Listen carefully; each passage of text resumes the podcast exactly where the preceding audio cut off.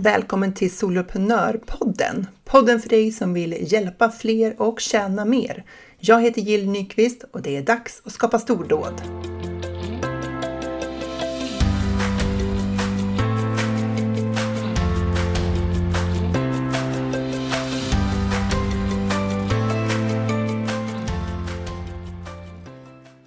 I helgen var jag till Åre och eh, fjällvandrade med en kompis. Och det var lite speciellt av många anledningar. Eh, men två som jag tänkte lyfta här, det var att när jag startade mitt företag så hade jag någon sån här vision, romantisk dröm om att jag skulle sitta i Åre och jobba. Och då skulle jag jobba eh, halva dagarna och så skulle jag som typ cykla mountainbike halva dagarna i Åre. Och grejen är jag hade aldrig varit i Åre, jag hade bara en bild av att så här, där skulle det vara trevligt att vara. Sen har jag liksom inte kommit dit någon gång, alltså det var ju 2018 då, nu är det 2022. Förrän nu! Förvisso inte för att jobba, men för att eh, uppleva. Så att det kändes ändå som en liten milstolpe, även om det egentligen inte hade med mitt företagande att göra, så var det ändå en sån här tydlig målbild som jag hade, att jag skulle ha tid för att göra sådana där vandringar och uppleva saker som var liksom i den miljön med berg och sådana här vidder och så. Och var det någonting jag fick där i Åre så var det berg och utsikt och vyer. Helt fantastiskt! Alltså så fint och vi hade världens bästa väder. Så det var det ena. Det andra var att jag blev påmind igen om hur galet höjdrädd jag är. Tänker inte så mycket på det i vardagen för att jag är inte på några höjder direkt och jag kan absolut ställa mig på en stol. Men nu skulle vi åka en sån här äh, sittlift och är du en van slalomåkare så tycker inte du att det är något konstigt alls. Jag åker inte slalom, eller jag åker platt längd i så fall. Jag ska åka skidor. Och de här sittliftarna, de går ju jättehögt upp. Och det var så jobbigt att åka upp för en av de där liftarna. VM6 heter den. Men ännu värre var ju att åka ner. Alltså när den där sittliften bara åkte ner över backen och det var hur högt som helst och hela min kropp kändes som att den skulle typ så svimma av skräck. Jag kunde inte ens titta framåt för att jag trodde att på riktigt jag skulle svimma. Så jag fick titta till höger, blunda med vänster öga och titta på grantopparna till höger. Det var min strategi för att överleva nedfärden. Och det spelar liksom ingen roll att jag fattar intellektuellt att jag kommer inte att ramla ner. Jag, jag är säker, jag är trygg. Men den impulsen nådde liksom aldrig kroppen riktigt förbi hjärnan. Så det var jätteläskigt. Så. Men eh, jag är ändå glad att jag gjorde det eftersom vi kom ju upp på den här toppen som vi vill, som skulle fortsätta vandra vidare till sen och det var ju fantastisk utsikt där. Så väl värt det på det viset. Men så sa min kompis här, är du inte glad nu att du utmanar din rädsla, att du klarar av det? Och då kände jag, nej. nej, jag är inte särskilt glad över det. För att det är inte viktigt för mig att utmana den där höjdrädslan. För att jag har liksom inget så här annat eh, mål som står i vägen eh, för, alltså att höjdrädslan står i vägen för någonting annat jag vill uppnå. Utan visst, det kan vara bra att kunna ta sig upp i en lift någon gång när man ska fjällvandra, men min huvudsakliga vardag består ju inte av sånt. Så att det kändes inte som någon stor vinst. Och det där var lite spännande, för att det finns ju andra saker man gör som man är galet nervös för och som man är rädd inför och sådär. Och det känns som en jättevinst när man har tagit sig igenom det. Och du har säkert några sådana som gäller ditt företagande, att du har liksom övervunnit en svårighet eh, eller någonting som kändes otroligt nervöst och du är så här galet nöjd med dig själv efter.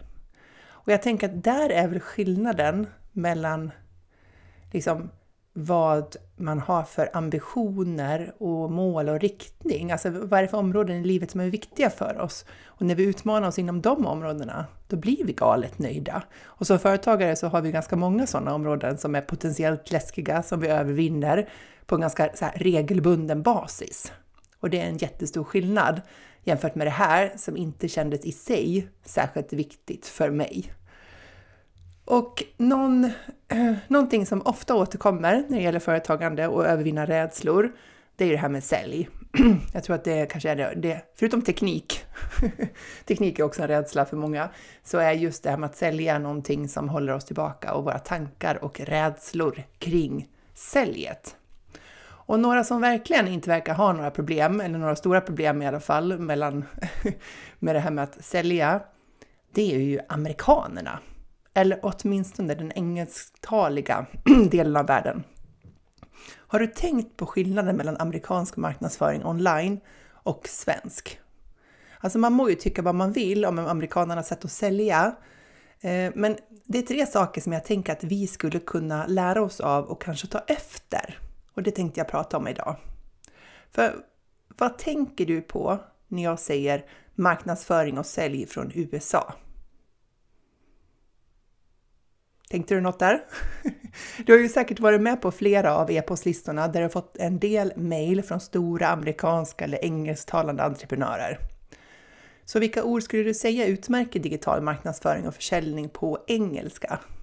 Jag tänker på ord som intensivt, mycket, pushigt och lite krävande. Jag tänker att de aldrig ger sig, skickar galet många mejl, lite domedagsstämning om man inte köper deras produkt. Att det är liksom lite kört för en och att framtiden ser lite mörk ut utan att ha liksom den här kursen eller det här programmet eller vad det är för någonting. Och det är väl den kanske negativa beskrivningen. Och frågan är ju så här, är de ju helt ute och cyklar då, de här amerikanska entreprenörerna? Ja, jag vet inte. Hur är det? Har du köpt någonting av det här förut? Någonting på engelska någon gång? Det har jag. Så jag, och jag tänker att de säljer ju galet mycket, så helt fel ute är de naturligtvis inte.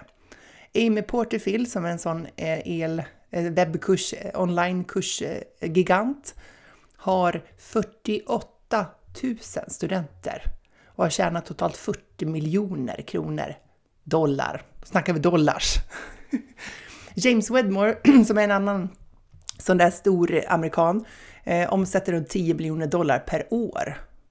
Och de ligger ju lite före oss i den här digitala utvecklingen. De håller på lite längre, kommer lite längre, lärt sig mer.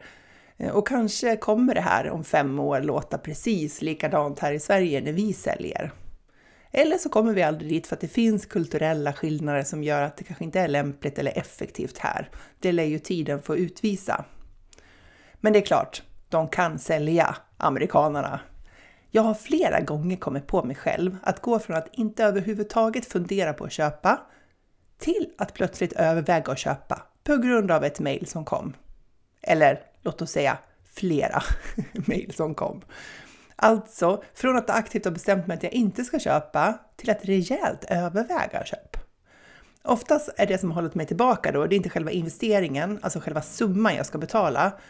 Eh, och inte heller att jag inte tror på deras förmåga att liksom, det finns ett värde i den där kursen.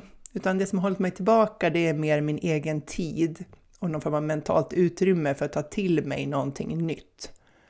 Och att jag på riktigt kanske inte behöver den där kursen eftersom jag har andra kurser i mitt egna kursbibliotek som kan lösa problemet åt mig lika bra när jag gör jobbet. Mhm.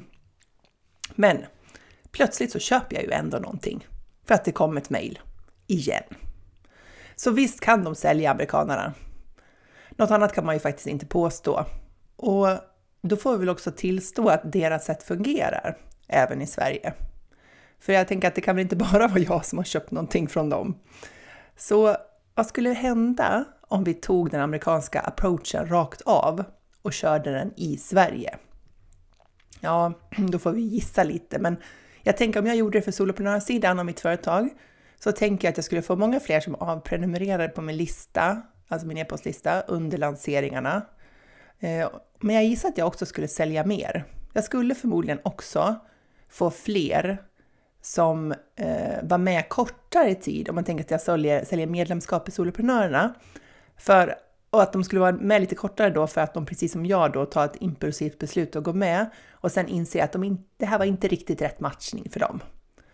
Och just det var, var det faktiskt en av de här digitala giganterna som pratade om vid något tillfälle, jag minns inte vem det var, men han sa att han hade inget emot att riskera att översälja, alltså att, då menar han att sälja till dem som sen visade sig ångra sig och ville hoppa av. För han tyckte att det var bättre än att riskera att någon som verkligen behövde kursen inte skulle våga köpa. Och ja, det är ju ett sätt att se det.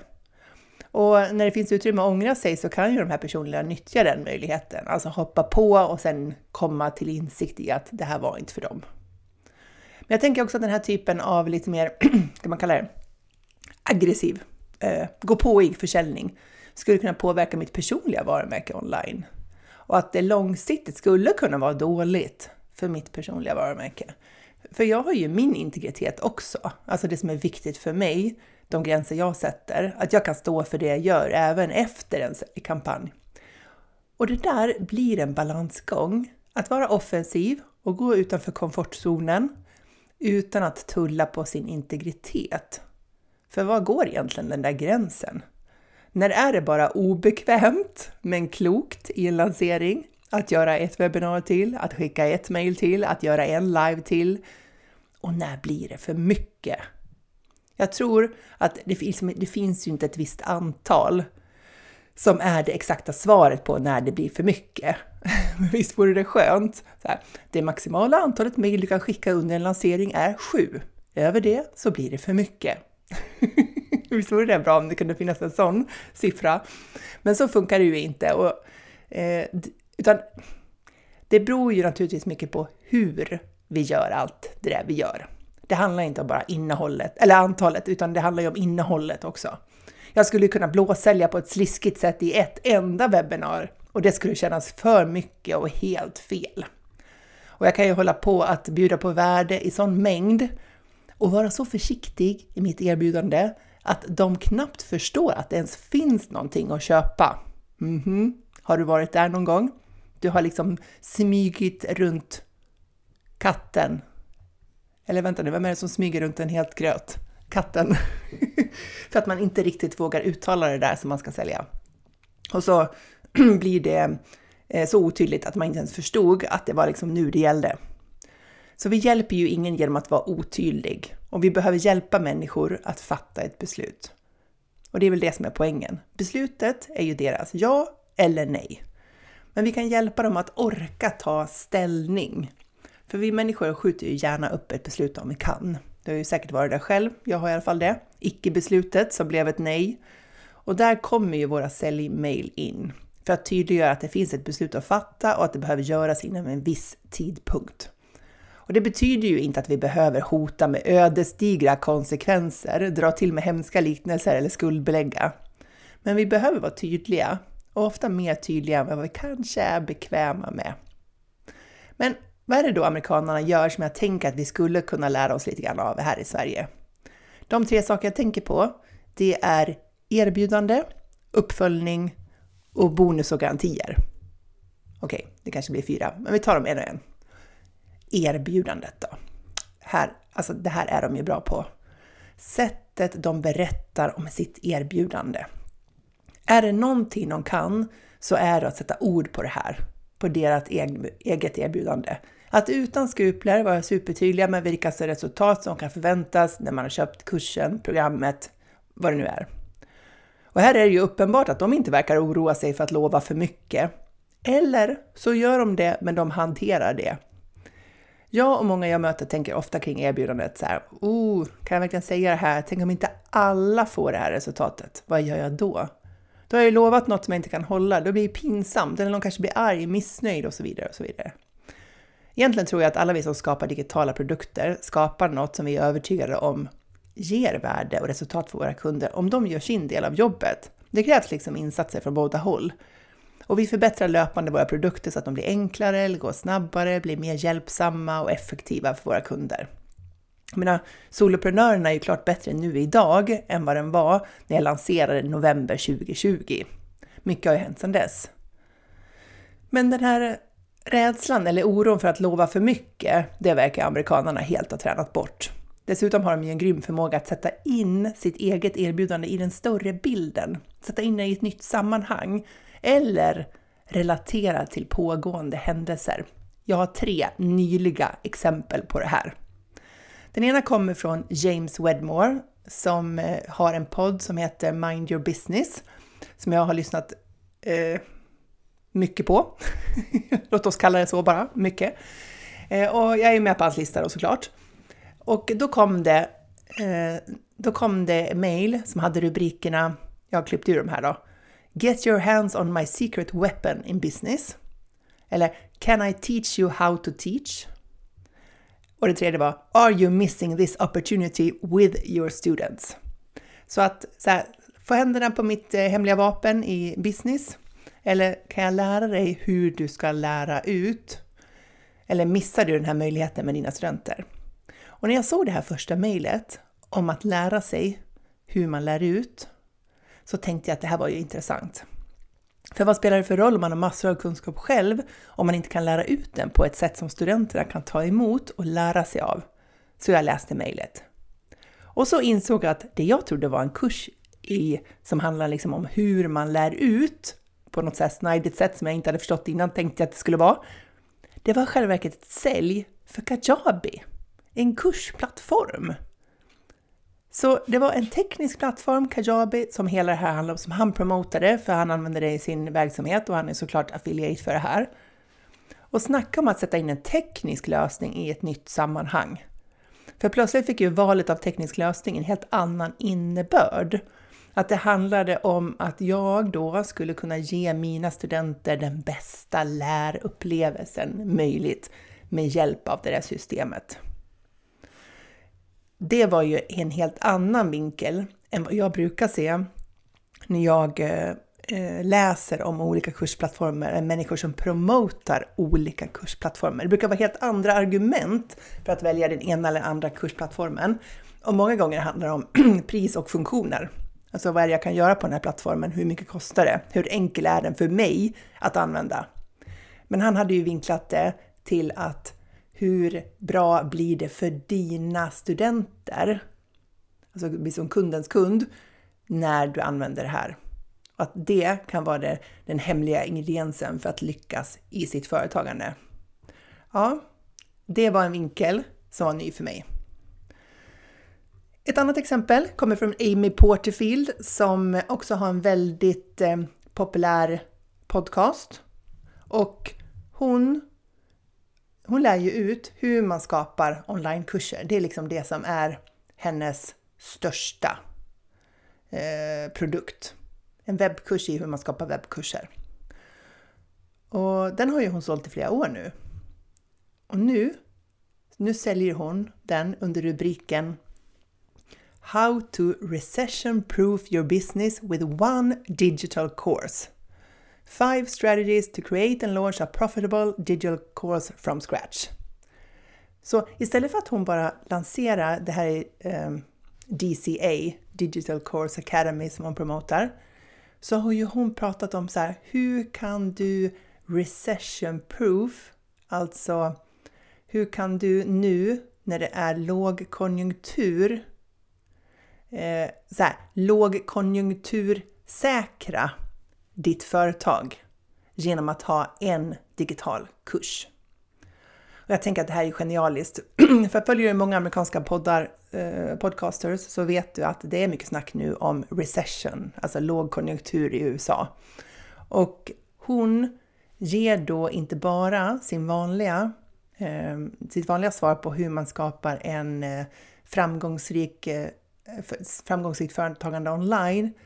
Utan hon säger så här, du kan säkra ditt företag mot den här typen av konjunktursvängar genom att ha en digital kurs. En onlinekurs. Och det här är ju ett helt nytt sätt att vinkla sitt erbjudande som just nu, särskilt i USA, säkert på fler ställen i världen också, eh, och här i Sverige är väldigt relevant det är väldigt aktuellt. Och hade hon inte haft lite grann så här, eh, vad ska man säga, öronen öppna efter liksom nya vinklar, då hade hon lanserat den här kursen precis som hon gjorde förra året vid den här tiden. Men nu har hon ju liksom lagt en helt annan förpackning runt samma kurs för att göra den mer aktuell och relevant. Så. Eh, och eh, hon har ju också i den här samband med den här lanseringen så bjuder hon in till en live som hon kallar för The No Business Plan Business. The exact blueprint for starting an online business with one digital course. Och här naturligtvis så har ju hon plockat upp att människor vet inte var de ska börja. De eh, tycker att det känns jobbigt att skapa en businessplan, alltså en affärsplan. De eh, känner sig osäkra på det. Och då naturligtvis möter hon upp det genom att säga att här berättar jag hur du gör. Du får the exact blueprint, liksom kartan, skissen för hur du ska göra det här. Och så beskriver hon då att eh, hon pratar om att under de första 90 dagarna, 1. Vad du ska fokusera på och vad du kan skippa. Eh, 2. De exakta åtgärderna som kommer att göra skillnad för din företag, move the needle. Och tre, några riktigt bra intäktsgenererande möjligheter som kommer att dra in cash, pengar, ASAP, alltså direkt och eh, stötta din, ditt företag under tiden det växer. Och det fjärde, några, några sneaky mindset traps, alltså några mindset-fällor som många online business owners, alltså många företagare online, eh, kan ramla i och hur man ska komma runt dem. Så hon lovar ju då så här, det här behöver du fokusera på, du kan skippa resten. Du får exakt reda på vad det är du behöver göra som kommer göra skillnad och vad du kan göra för att skapa pengar snabbt i ditt företag. Och sen det här med mindset. Att eh, hantera våra egna tankar kring att jobba online. Och här lovar ju hon att hon verkligen kan göra det här steg för steg, exakt vad det är du behöver göra. Hur många tror du som går på den här liven klarar av att bara följa de här stegen och faktiskt få revenue generating opportunities och få in cash ASAP? Men det verkar hon ju inte eh, haka upp sig på, utan hon är övertygad om att om man följer de här stegen, då har man de här möjligheterna att skapa det här för sig själv. Att verkligen eh, sätta upp ett företag utan att ha en affärsplan genom att följa hennes exakta, eh, hennes exakta beskrivning för det här, hennes blueprint. Och jag tänker att den här tydligheten är intressant. Att det här är någonting som vi kan lära oss av. Att vi faktiskt sätter ord på vad är det man kommer få och vad är det man slipper när vi pratar om vårt erbjudande. Och det första jag pratade om, Recession Proof, det handlar ju om att den här stora kursen man ska köpa. Den andra, No Business Plan Business, det är ju en 30 minuter live. Det är ju en gratis grej. Men hon säljer ju in den som att man behöver betala för den också.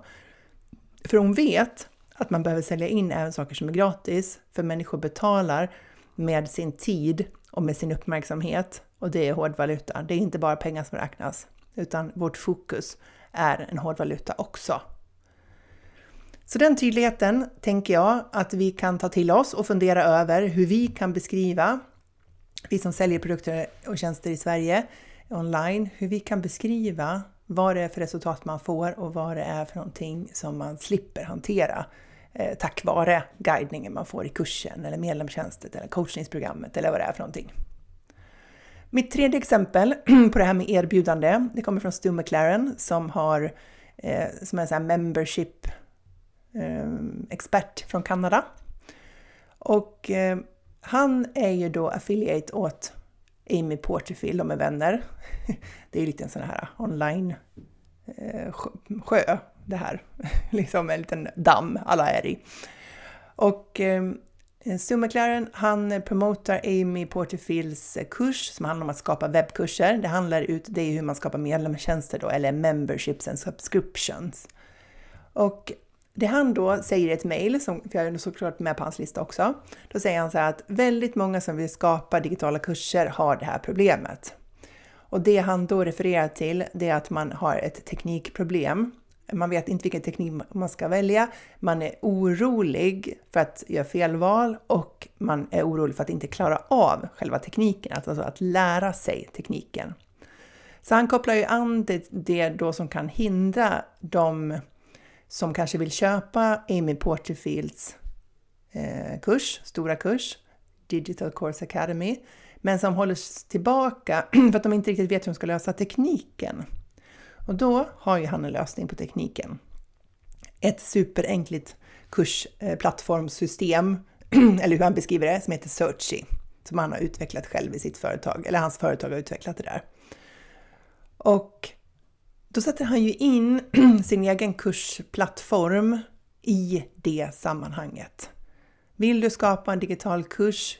Om du är som många av de som eh, tvekar så handlar det om tekniken och här är lösningen Searchy. Och så är det reklam för Searchy och användarupplevelser och allt det där. Så det var tre varianter av erbjudanden som jag tycker sätter saker i sitt sammanhang, eh, ger ett nytt perspektiv på det här som man kanske inte direkt från början hade förväntat sig och samtidigt är väldigt tydliga med nyttan och resultatet och vad man slipper när man köper det här. Kursen, systemet eller vad det är för någonting. Så det var nummer ett kring erbjudanden, vad jag tycker att de är bra på. Nummer två, uppföljning. Modet att följa upp galet många gånger. Och det är väl inte så att jag självklart tycker att vi ska skicka lika många mejl som de gör. Så det är inte riktigt det som jag är ute efter. Men hur många mejl skickar du i en lansering? Jag träffar företagare som skickar eh, allt ifrån två, det vill säga ett när kassan öppnar och ett när den stänger, till 10-15 mejl under en lanseringsperiod. Jag tror att de flesta av oss skickar för få mejl. Inte alla, men många. Vi fastnar i fokus på oss själva, vår egen upplevelse av att vara tjatiga, det är obekvämt, vi har massa tankar om vad kunden ska säga om det här, vi oroas för att de ska bli irriterade och avprenumerera, eller helt enkelt svara tillbaka med någon form av ilsken kommentar. Så vi utgår från våra egna farhågor och så begränsar vi oss. Vi tänker på den där gången vi själva blev irriterade på någon som hörde av sig för många gånger. Och så är vi rädda för att väcka samma missnöje hos våra mottagare själva. Men faktum är att jag tror att vi har mer att tjäna på att skicka ett par fler mejl än vad vi är bekväma med, än att vara rädd för att tappa den där prenumeranten på nyhetsbrevet. För om någon avsignar från din lista så är de ju inte din kund. Inte just nu i alla fall. Eller kanske inte alls. Och hela poängen med listan är ju att de som är där, det är de som vill vara där. Och de som inte vill, de är inte där. Och alla har möjlighet att bestämma det själv. Så låt din nyhetsbrevsprenumerant avgöra det. Något som de flesta större amerikanska säljare gör, som jag, alltså när jag har deltagit i deras kampanjer i alla fall, det är att ha en lanseringslista. Och det innebär att de planerar sin säljkampanj utifrån att de bjuder in till någonting, ett webbinar, en utmaning, en workshop. Det kallas ofta för experience, alltså en upplevelse. Det kan vara en bootcamp, eller ja, du har hört många varianter av det där. Och de som aktivt anmäler sig till den, vad det nu är de väljer då, workshopen eller bootcampen eller vad det är, det är också de som sen är med i deras aktiva kommunikation kring tjänsten. Alltså de avstår alltså från att vara lika intensiva mot hela sin lista, som ju ofta består av tiotusentals personer eller mer. Och de riktar säljkommunikationen mot de som aktivt har valt att delta i lanseringen. Inte alltid, men många gånger. Och de gör ju det för att de som är med på den listan eh, som har aktivt valt att delta i den här lanseringen, de är mycket mer varma leads än hela listan just då. Och de som är med på hela stora listan, de har ju fått en inbjudan om att vara med på den här utmaningen eller bootcampen eller vad det är för någonting. Och en del av dem har ju anmält sig och därmed kommit över på hård säljlistan, om vi ska kalla det det. Och det gör ju att entreprenörerna då på det viset inte tynger hela listan med samma sälj och att de värnar sin lista lite grann på det sättet. Så det var lite grann kring uppföljningen och att vi skulle nog kunna skicka något mer mail än vad som kanske initialt känns bekvämt utan att gå hela vägen till det amerikanska sättet där man får galet många mail. Ibland så här tre per dag i fem dagar eller någonting. Nummer tre då, det var det här med bonusar och garantier. Och eh, är det någonting som amerikanerna kan så är det ju att slänga in bonusar. Jag vet inte om du har märkt det någon gång. Man får den ena bonusen efter den andra och det skiftar lite grann beroende på när i lanseringen man är. Om det är tidigt när kassan öppnar eller om det är senare eller vad det är för någonting. Det blir galet många i alla fall. Jag var med i en lansering med massor av workshops, väldigt bra lärorika workshops. Det var fråga om att sälja ett system och någon form av coachningsprogram som hörde till det där. Och alltså, den här personen, det var så många bonusar att jag helt kroknade. Alltså det var så helt orimligt många bonusar och mycket tid på varje bonus. Så att istället för att det skulle kännas värdeskapande så kändes det precis tvärtom för mig. Alltså hur i all världen skulle jag ha tid att alltså använda ens en bråkdel av dem där? Så jag tänker att en bra bonus underlättar genomförandet av själva huvudkursen.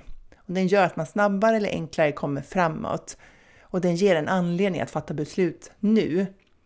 Så att jag tänker att eh, vi ska ha bonusar, att det är väl värt att plocka upp den idén om du inte redan har det.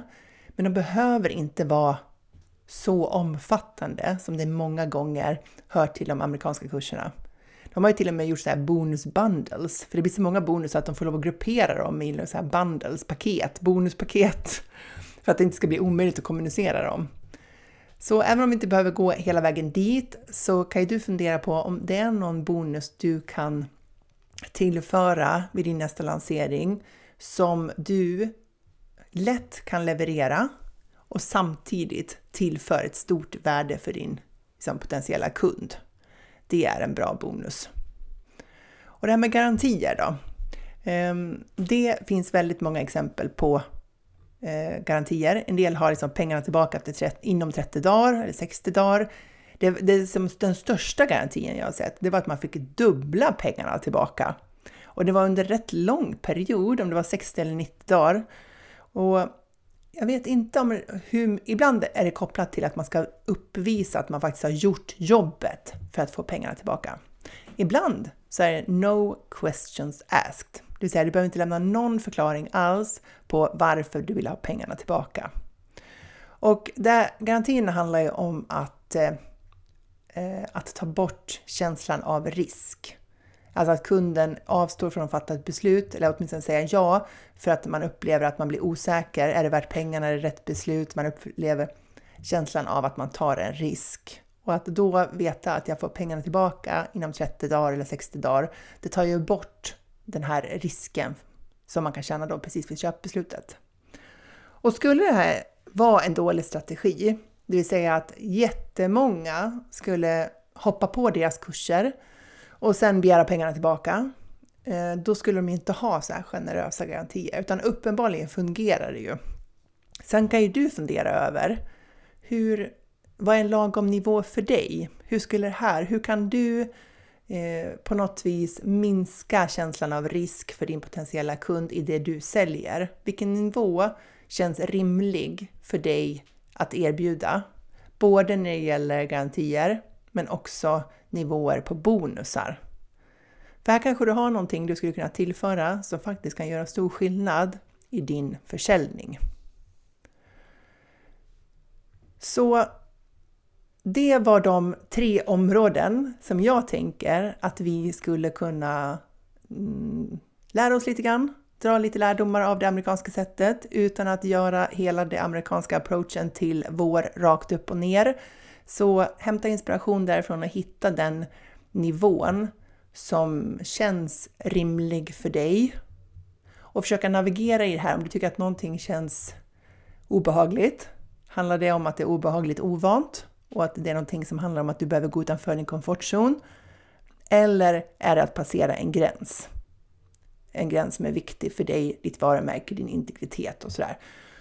Och fanns det ett så här superenkelt svar på det, vad den gränsen är, så hade det varit toppen. Men jag tror vi alla måste känna efter var den gränsen går. Och som sagt, det handlar inte bara om antalet på allting vi gör, utan det handlar om huret också. Med vilken ödmjukhet, med vilken tonalitet, vilket sätt vi uttrycker det här på.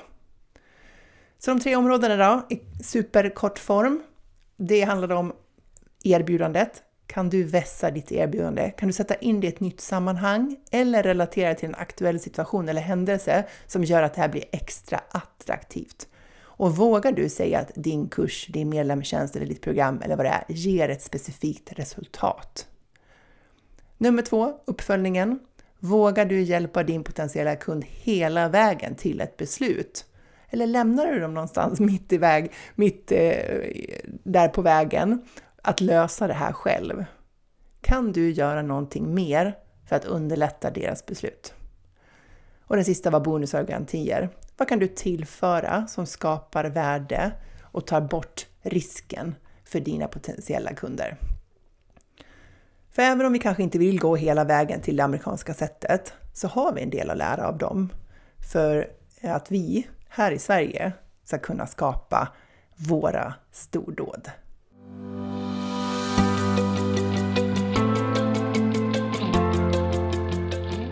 Stort tack för att du lyssnar på Soloprenörpodden. Jag är så glad att ha dig här. Du får jättegärna lämna mig en review på iTunes och ratea podden. Ge den fem stjärnor om du tycker att den är värd det, så hjälper du mig att sprida den till fler. Eller varför inte ta en skärmdump på det här avsnittet och tagga mig på en story på Instagram, solopreneur.nu.